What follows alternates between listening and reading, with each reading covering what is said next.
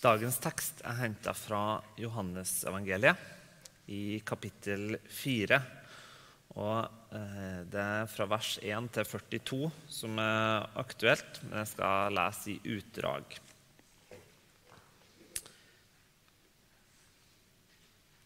Han måtte reise gjennom Samaria, og der kom han til en by som het Sykar, like ved jordstykket Jakob ga sin sønn Josef.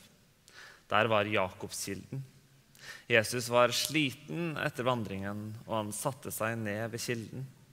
Det var omkring den sjette time. Da kommer en samaritansk kvinne for å hente vann.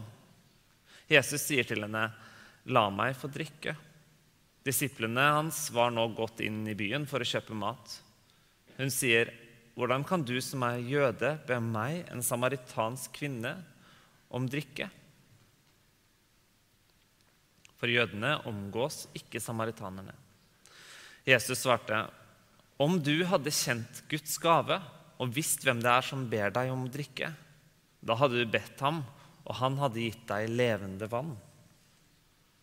'Herre', sa kvinnen, 'du har ikke noe å dra opp vann med, og brønnen er dyp. Hvor får du da det levende vannet fra?' 'Du er vel ikke større enn vår stamfar Jakob?' Han ga oss brønnen, og både han selv og sønnene hans og budskapen, hans drakk av den. Jesus svarte, 'Den som drikker av dette vannet, blir tørst igjen.' 'Men den som drikker av det vannet jeg vil gi, skal aldri mer tørste.' 'For det vannet jeg vil gi, blir i ham en kilde med vann som veller fram og gir evig liv.' Kvinnen sier til ham, 'Herre, gi meg dette vannet, så jeg ikke blir tørst igjen,' 'og slipper å gå hit og hente opp vann.' Da sa Jesus til henne, 'Gå og hent mannen din, og kom så hit.' 'Jeg har ingen mann', svarte kvinnen. 'Du har rett når du sier at du ikke har noen mann', sa Jesus. 'For du har hatt fem menn, og han du har nå, han er ikke din mann.' 'Det du sier, er sant.' 'Herre, jeg ser at du er en profet', sa kvinnen. Våre fedre tilba Gud på dette fjellet, men dere sier at Jerusalem er stedet der en skal tilbe. Jesus sier til henne, 'Tro meg, kvinne, den time kommer da det verken er på dette fjellet eller i Jerusalem dere skal tilbe Far.' Men den time kommer, ja, den er nå, da de sanne tilbederne skal tilbere Far i ånd og sannhet. For slike tilbedere vil Far ha. Gud er ånd, og den som tilber ham, må tilbe i ånd og sannhet. Jeg vet at Messias kommer, sier kvinnen. Messias er det samme som Kristus. Og når han kommer, skal han fortelle oss alt. Jesus sier til henne, 'Det er jeg, jeg som snakker med deg.' Kvinnen lot nå vannkrukken sin stå gikk inn i byen og sa til folk, 'Kom og se en mann som jeg har fortalt meg alt det jeg har gjort.' Han skulle vel ikke være Messias? Da dro de ut av byen og kom til ham. Mange av samaritanerne fra denne byen kom til tro på Jesus pga. kvinnens ord da hun vitnet. Han har fortalt meg alt det jeg har gjort.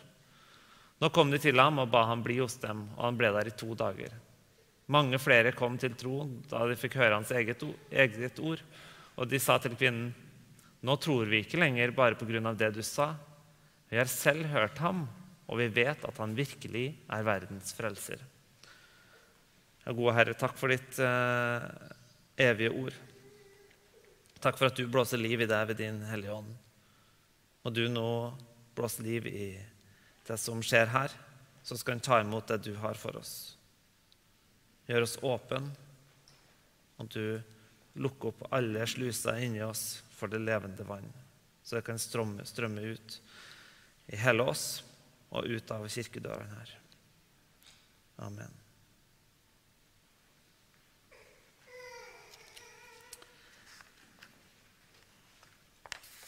Det er midt på dagen. Helt vanlig hverdag. En ensom kvinne går til brønnen, som hun bruker å gjøre hver dag. Det er varmt, og det er en tung vandring. Og det blir enda tyngre når det er sånn midt på dagen. Ved brønnen sitter en mann. Han er helt utslitt. Han har gått langt og han er langt hjemmefra. Han er på fremmed grunn.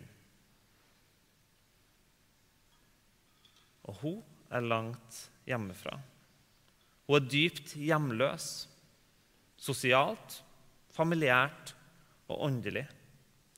Hun unngår å være sammen med andre. Det er jo det skammen prøver å gjøre med oss. og Derfor så henter hun vann midt på dagen. Og så alle de her samlivsbruddene som hun har lagt bak seg. Støtt ut av mannens beskyttelse med et brev som ga tillatelse til å gifte seg på nytt. Eller så er det kanskje en sorg der etter en mann som gikk bort altfor tidlig. Det vet ikke oss. Men vi vet at hun på en eller annen grunn, kanskje i desperasjon, har søkt seg til en mann som kan gi henne beskyttelse, som ikke er henne. Og så lurer hun på hvor Gud er. Er han på fjellet Gerisim, som er i Samaria, eller er han på Sionfjellet, tempelhøyden i Jerusalem? En dypt hjemløs kvinne, som i tradisjonen blir kalt Fotini. Hun blir det andre nære menneskemøtet i Johannesevangeliet. Kapitlet før så har vi hørt om Nikodemus på toppen av pyramiden. En from og eh, høyt aktet religiøst mann. Her kommer ei utstøtt kvinne nederst på rangstigen. Bryr, nei, Jesus bryr seg ikke om noen ting om status. eller noen ting. Han går bort til dem begge. Jesus har en tendens til å bryte barrierer som oss setter opp. Men historien om Nikodemus og om Fotini er ganske likt bygd opp. Og Det har vært et eget bibelstudium å sammenligne de historiene. Nikodemus får beskjed om at han må bli født på ny ved vann og ånd og lurer på hvordan han skal komme seg inn i sin mor igjen. På samme måte som misforstår eh, Fotini, en kvinne ved Sykarsbrønn, Jesus og tenker på levende vann som i ekte, eller som i fysisk vann. Oss hører jo ganske, noe ganske åndelig gjerne når vi hører ordet 'levende vann'. Men for en jøde for en eh, samaritaner så var levende vann noe helt vanlig, men veldig fint. Levende vann det var noe annet enn dødt vann. Levende vann det var vannet som kom ovenfra. I et eh, land der de har regntid bare visse perioder av året, så var det bare noen få perioder av året de kunne gå til en bekk og finne levende, rennende vann. Eller så måtte de gå til en brønn. Så levende vann kom ovenfra, det var rent, og det krevde ingen jobb. For det rant jo gjerne en bekk rett ved huset ditt. Eller du kunne gå oppover og hente vann, og gå nedover med vannkrukka. Skulle du hente dødt vann, som var det mest vanlige, så måtte du gå til en brønn. Du måtte ta den tunge løfta med vannet opp. Og du måtte gå bakkene opp igjen til landsbyen. Det var et tungt arbeid som slet ut mang en kvinne, og Fotini gikk midt på dagen. Jesus snakker om det levende vann en annen plass i Johannesevangeliet. Og det er i kapittel 7, vers 37-39. Den som tørster, skal komme til meg og drikke. Den som tror på meg, fra hans indre skal det, som Skriften sier, renne elver av levende vann. Dette sa han om ånden de som trodde på ham, skulle få. Så Jesus sammenligner ånden med det her levende vannet, det som kommer ovenfra, det som ikke krever noe arbeid, det som er en gave fra Gud. For mens alle de omkringliggende kulturene venta på at Nilen eller Eufrat eller Tigris skulle flomme over, så venta israelittene på Guds trofasthet i regn ovenfra.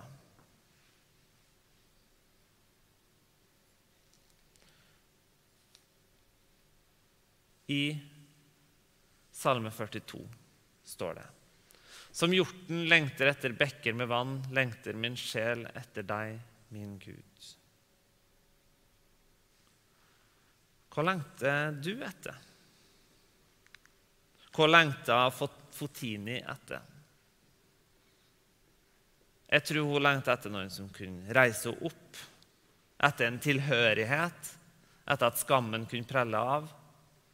Men hun lengta tydeligvis etter Gud. Og Salmisten knytter jo denne sterke lengselen vi har i oss etter Gud.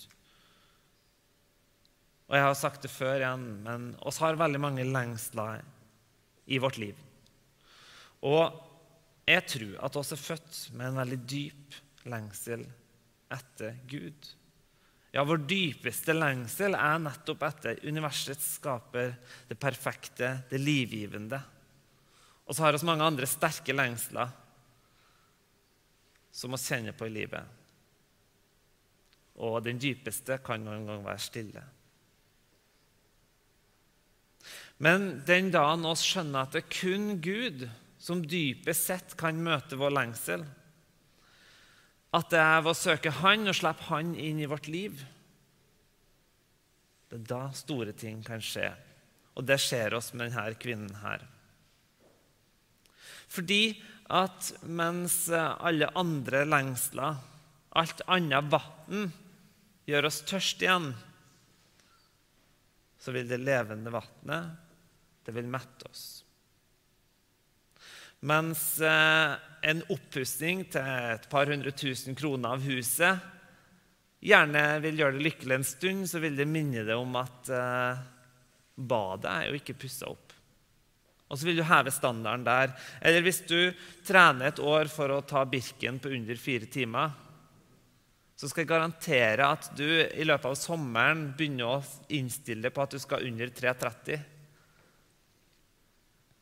Fordi alle andre prosjekt og sånn som vi prøver på, der vil vi bare heve og heve og heve krava. Heve og heve, heve tørsten. Mye vil ha mer. Sånn sier Jesus at det ikke er med han.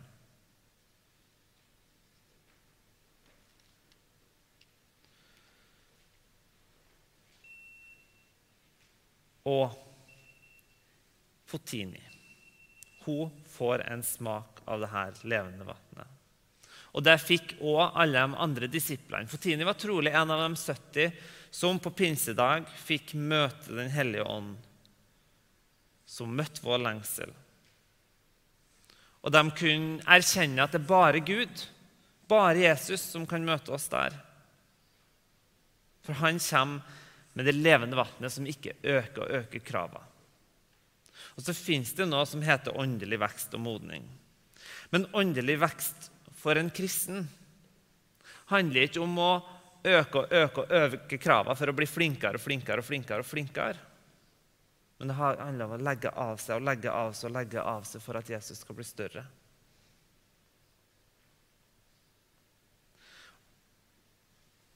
Og det her åpenbaringa som Den hellige ånd kom med på for apostlene på pinsedag, den ga dem en helt spesiell frimodighet. Den hellige ånd fylte dem med en sånn kraft at de bare måtte ut og fortelle. Og det samme budskapet som de kjente på da, som Fotini fikk møte, det kan oss kjenne på. Og Det kan oss gå ut og forkynne. For oss lengter alle etter å høre til et sted. Men mens verden forteller deg at du bare er en avansert organisme som har tid og sted på din side, så forteller Bibelen deg at du er ønska og elska og verdifull av en, av en far som ønsker å ha det som sitt barn. At du er planlagt. Og så lengter alle etter mening, men mens verden forteller deg at du bare er et pattedyr drevet av dine lyster og alt mulig sånn, så du må bare nyte livet maks helt til du dør, så forteller Bibelen det, Jesus det, at du har en hensikt med ditt liv. Du har noe du kan gjøre ved hjelp av Gud. Han har satt det her av en grunn. Og så lengter alle etter mer liv. Men mens verden forteller deg at du bare skal bli til jord igjen, så forteller Bibelen deg at du en gang skal få lov til å stå opp til et evig liv.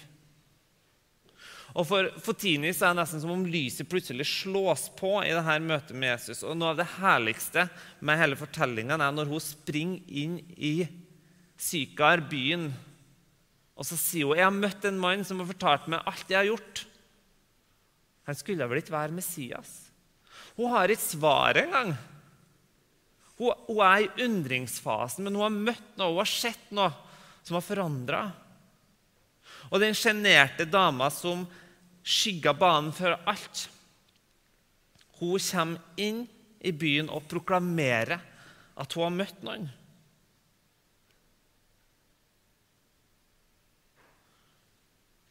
Ofte så er det nettopp dem som har nettopp oppdaga noe med Jesus, som kanskje ikke har tatt steget inn i tro sjøl, som er de fremste misjonærene.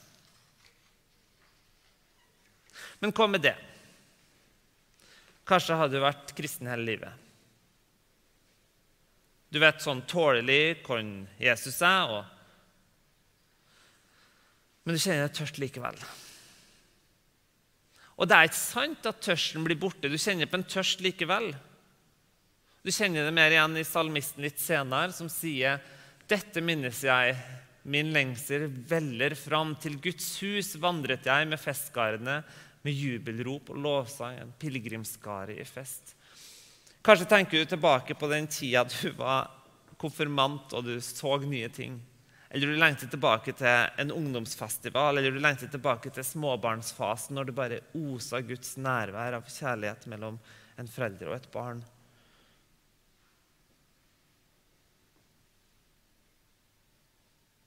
Men Jesus snakker om vår dypeste lengsel som mettes, fordi han gir oss en kilde av evig liv inni oss. Og den kilden vil på dypet ikke gjøre oss tørst.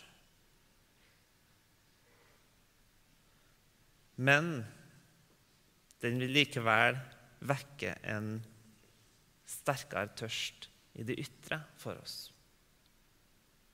Og mange kjenner på en lengsel etter Gud og kjenner det som utilfredsstillende. Men kjenner du på en lengsel etter Gud, så mener du er på rett vei.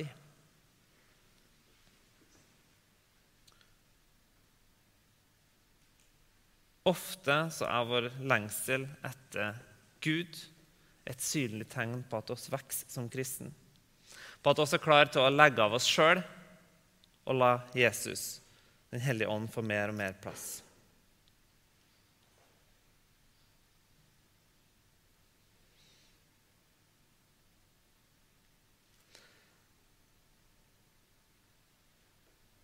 Fotini Jeg vet ikke hva hun ønsker, om hun ønsker å vokse eller noe. Men hun snakker om to steder. Er det på Gerizim Gud er, eller er det på Sion? Og Ofte så har vi enda opp sånn i vår lengsel etter Gud at vi lurer på det. Er det på Mariaklosteret på Tautra Gud er? Eller er det på Hemsdal, i Hemsedal Høyfjellssenter? Er det i Betel eller er det i Salem? Hvor er det Gud, hvor er, det Gud er nå? Og Veldig mange blir drevet på en jakt etter åndelige opplevelser. Her eller der. Og prøver å finne der stedet Gud er. Men så er Jesus sitt budskap at den tida kommer, og den er nå, da vi skal tilbe ånd og sannhet. At Den hellige ånd er noe som vokser fram inni oss. Det er ikke noe feil i å gå til andre sammenhenger eller gått på retreat eller et eller annet ting for å innstille seg sjøl på å ta imot mer av det Jesus har for oss. Men det er som om vår åndelige reise er helt allergisk mot at oss skal få til åndelighet. Jeg for min del er ikke den typen som har hatt de største åndelige erfaringene. Men jeg var på eh, retreat en gang, var på bibelskole, og eh, bestemte meg da for at jeg skulle eh, faste. Liksom toppe det helt. Um, og så når jeg er på retreat, så syns jeg det er helt fantastisk. Så jeg legger masse sånne planer. Eh, jeg skal ta badstue, jeg skal lese Bibelen da, og så skal jeg være med på tidebønn da, og så skal jeg ta en kaffekopp der. og så skal jeg Og så har jeg bestemt meg for at eh, jeg skulle ta med meg soveposen, den nye sekken min, det nye liggeunderlaget mitt og den nykverna kaffen min ut i skogen og eh, fyrbål. Så tenkte jeg, Der skal jeg sitte og så skal jeg bare være Guds nærvær. Så skal jeg høre at Gud taler til meg, og så skal jeg liksom bare bli oppbygd. Og alt mulig sånt. Og jeg har skikkelig trua på det der. Pakka sekken, gikk ut i skogen. November, tre grader og vind. Og nysnø. Men jeg finner en fin plass, setter meg ned, eh, finner fram eh, noe ved. Eh, det var ikke den beste veden, for der var det bare selje og, og sånn. Så, men ja, ja, det går sikkert bra, tenkte jeg. Um, Gud vil jo at jeg skal få fyr.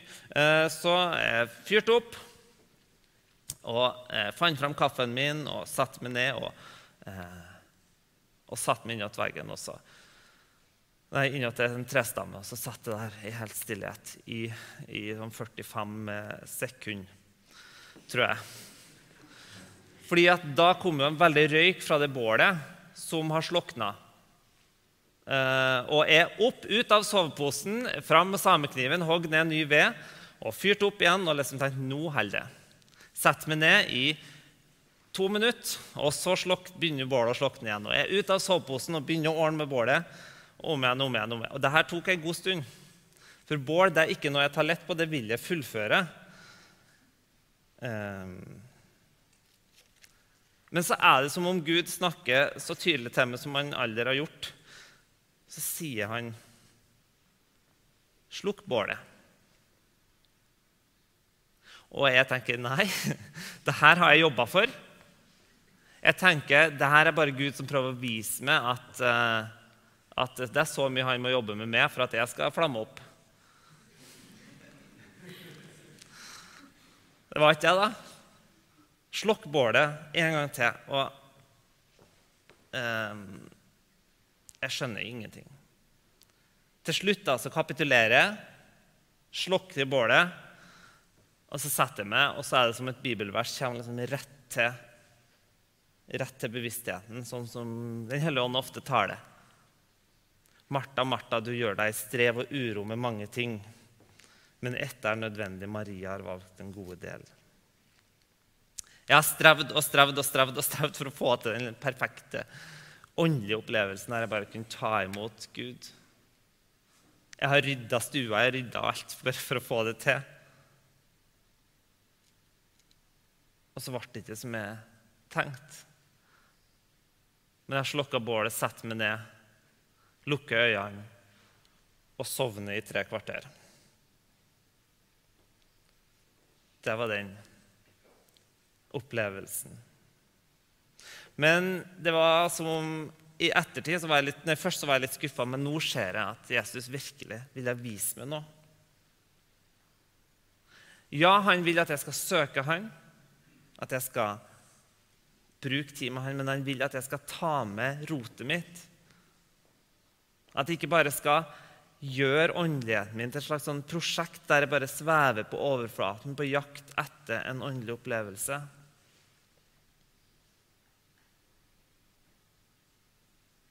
Fordi sann åndelighet er allergisk mot enhver form for prosjektering. Jeg las litt på Internett i forbindelse med denne talen her, så las jeg en sånn om det å bli døpt i Den hellige ånd, og jeg las en sånn femtrinnsprosess. og Der sto det, og jeg, jeg siterer um, Dersom du har bestått trinn 1-4, er det ingen grunn til at Gud holder denne gaven tilbake fra deg. Det er en så vanlig tanke å tenke at dersom jeg gjør det og det og det, og det, og det, og det, og det da kommer Gud.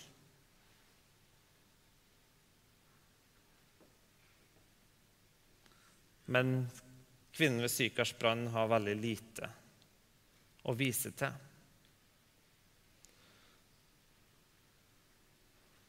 Og Jesus, Det er som om Jesus prøver å si et eller annet om at det er en kilde med levende vann.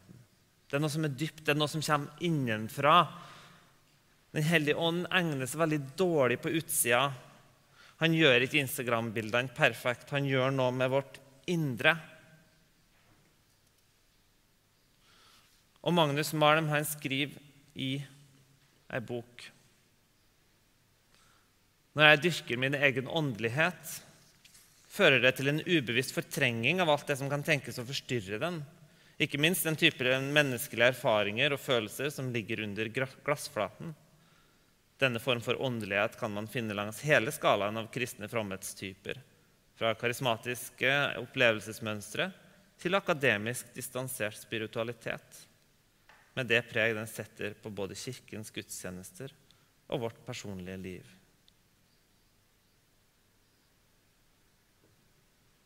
Den hellige ånd jobber veldig godt inni oss. Når oss kan være åpne med rotet vårt, når oss kan være åpne med sårbarheten vår, åpne med det som skjer. Og Jeg hører mange som sier, det skjer veldig, som hører, hører mange som sier at det skjer veldig lite helbredelser for tida. Og så er jeg veldig uenig. Fordi mens det på Jesu tid var noe av det verste som kunne skje, var at du ble lam eller at du fikk et fysisk handikap, så var du støtt ut, du var fattig, så er det i dag tøft å ha det. Men i dag så er det levelig, for at vi har gode velferdsordninger. Men det som ikke er levelig, er et knust selvbilde.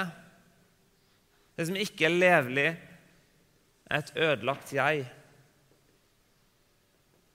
Det som ikke er levelig, er en lengsel som har tatt feil retning. Og Der skjer det helbredelse igjen og igjen. og igjen. Jeg har sett det i mitt liv og jeg har sett det i andres liv, at Den hellige ånd griper inn. Og Ofte når Den hellige ånd griper inn, så skjer det ting òg i det ytre. Noen får helbredelser i det ytre, ja, men andre får tårer. Andre får tungetale. Andre kjenner på en fred som de aldri har kjent. Så Derfor skal vi åpne slusene inni oss for å slippe Den hellige ånd til.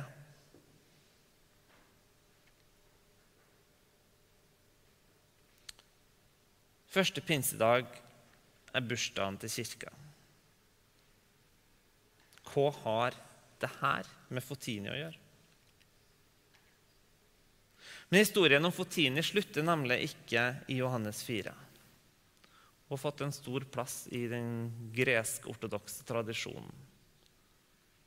Og i tradisjonen, det må sies, så var denne forvandlinga som skjedde for henne, så markant at hun forlot alt og ble med disiplene. Hun var der på pinsedag og hun var kjent som en stor evangelist og apostel, så satte hun seg på båten og for til Kartago i Nord-Afrika og forkynte der som kvinne i en nordafrikansk by evangeliet. Og Til slutt så ble hun visstnok tatt med til keiser Neros palass, der hun forkynte for han helt til hun ble drept for sin tro.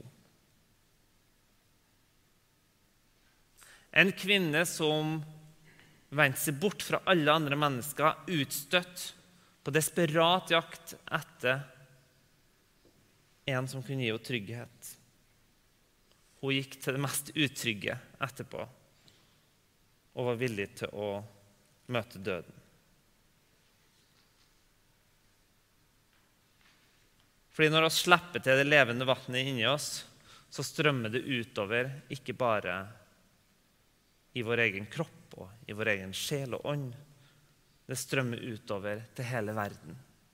Og Da kobler vi oss på den fremtidsvisjonen som er 2500 år gammel, som Esekiel skriver i Esekiel 47.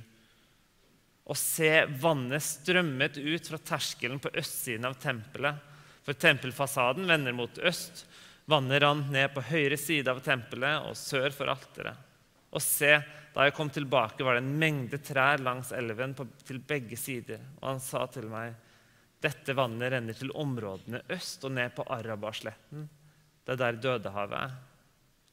Og når det renner ut i sjøen, altså Dødehavet, blir vannet der friskt. Alle levende vesener som det kryr av overalt hvor denne elven renner, skal få leve. For Paulus han sier nemlig at med Jesus sin døde oppstandelse Med at Den hellige ånd kom med sitt nærvær, så behøver ikke nærværet lenger å være i tempelet. Nærværet er i oss. Det er her. Det å ta og føle på noen gang. Og oss er et tempel for Den hellige ånd. Oss er tempelet som det skal strømme levende, nei, strømme av levende vann ut fra, som Zakaria skriver når han gjenforteller Esekiel det vannet som ingen trenger å jobbe for, men som er friskt, og som gir liv, og som metter vår dypeste lengsel. Og det er så mye lengsel ut i verden der som trenger å bli møtt. Jeg skal runde av. James Jordan han er stifteren av Fatherheart Father Heart Ministries. Han har en veldig sånn sterk utforskertrang. Og en av de tingene han elsker og elsker å gjøre før, var å dra til steder der det virkelig skjedde ting. Der Den hellige ånd blåste liv i folk så det ble vekkelse. Der folk ble helbreda, der, der det virkelig skjedde store ting. Og han har veldig sansen for det. Og han ville se hva er de her menneskene gjør. Så var han på en sånn stor vekkelse i USA. Og så er det som om Gud på en måte minner ham om noe så bare sånn Det er noe mer. Her blir tusen mennesker frelst. Folk blir oppreist, folk blir helbreda, men det er noe mer Gud har for oss. Jeg får en sterk fornemmelse av at Gud ønsker noe mer.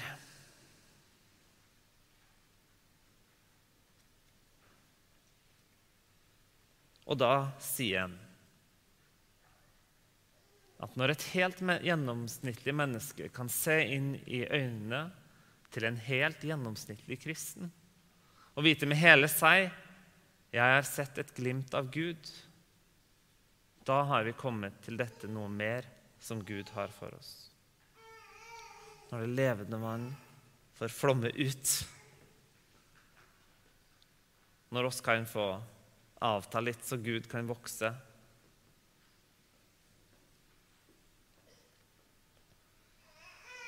Og det her er tilgjengelig for alle.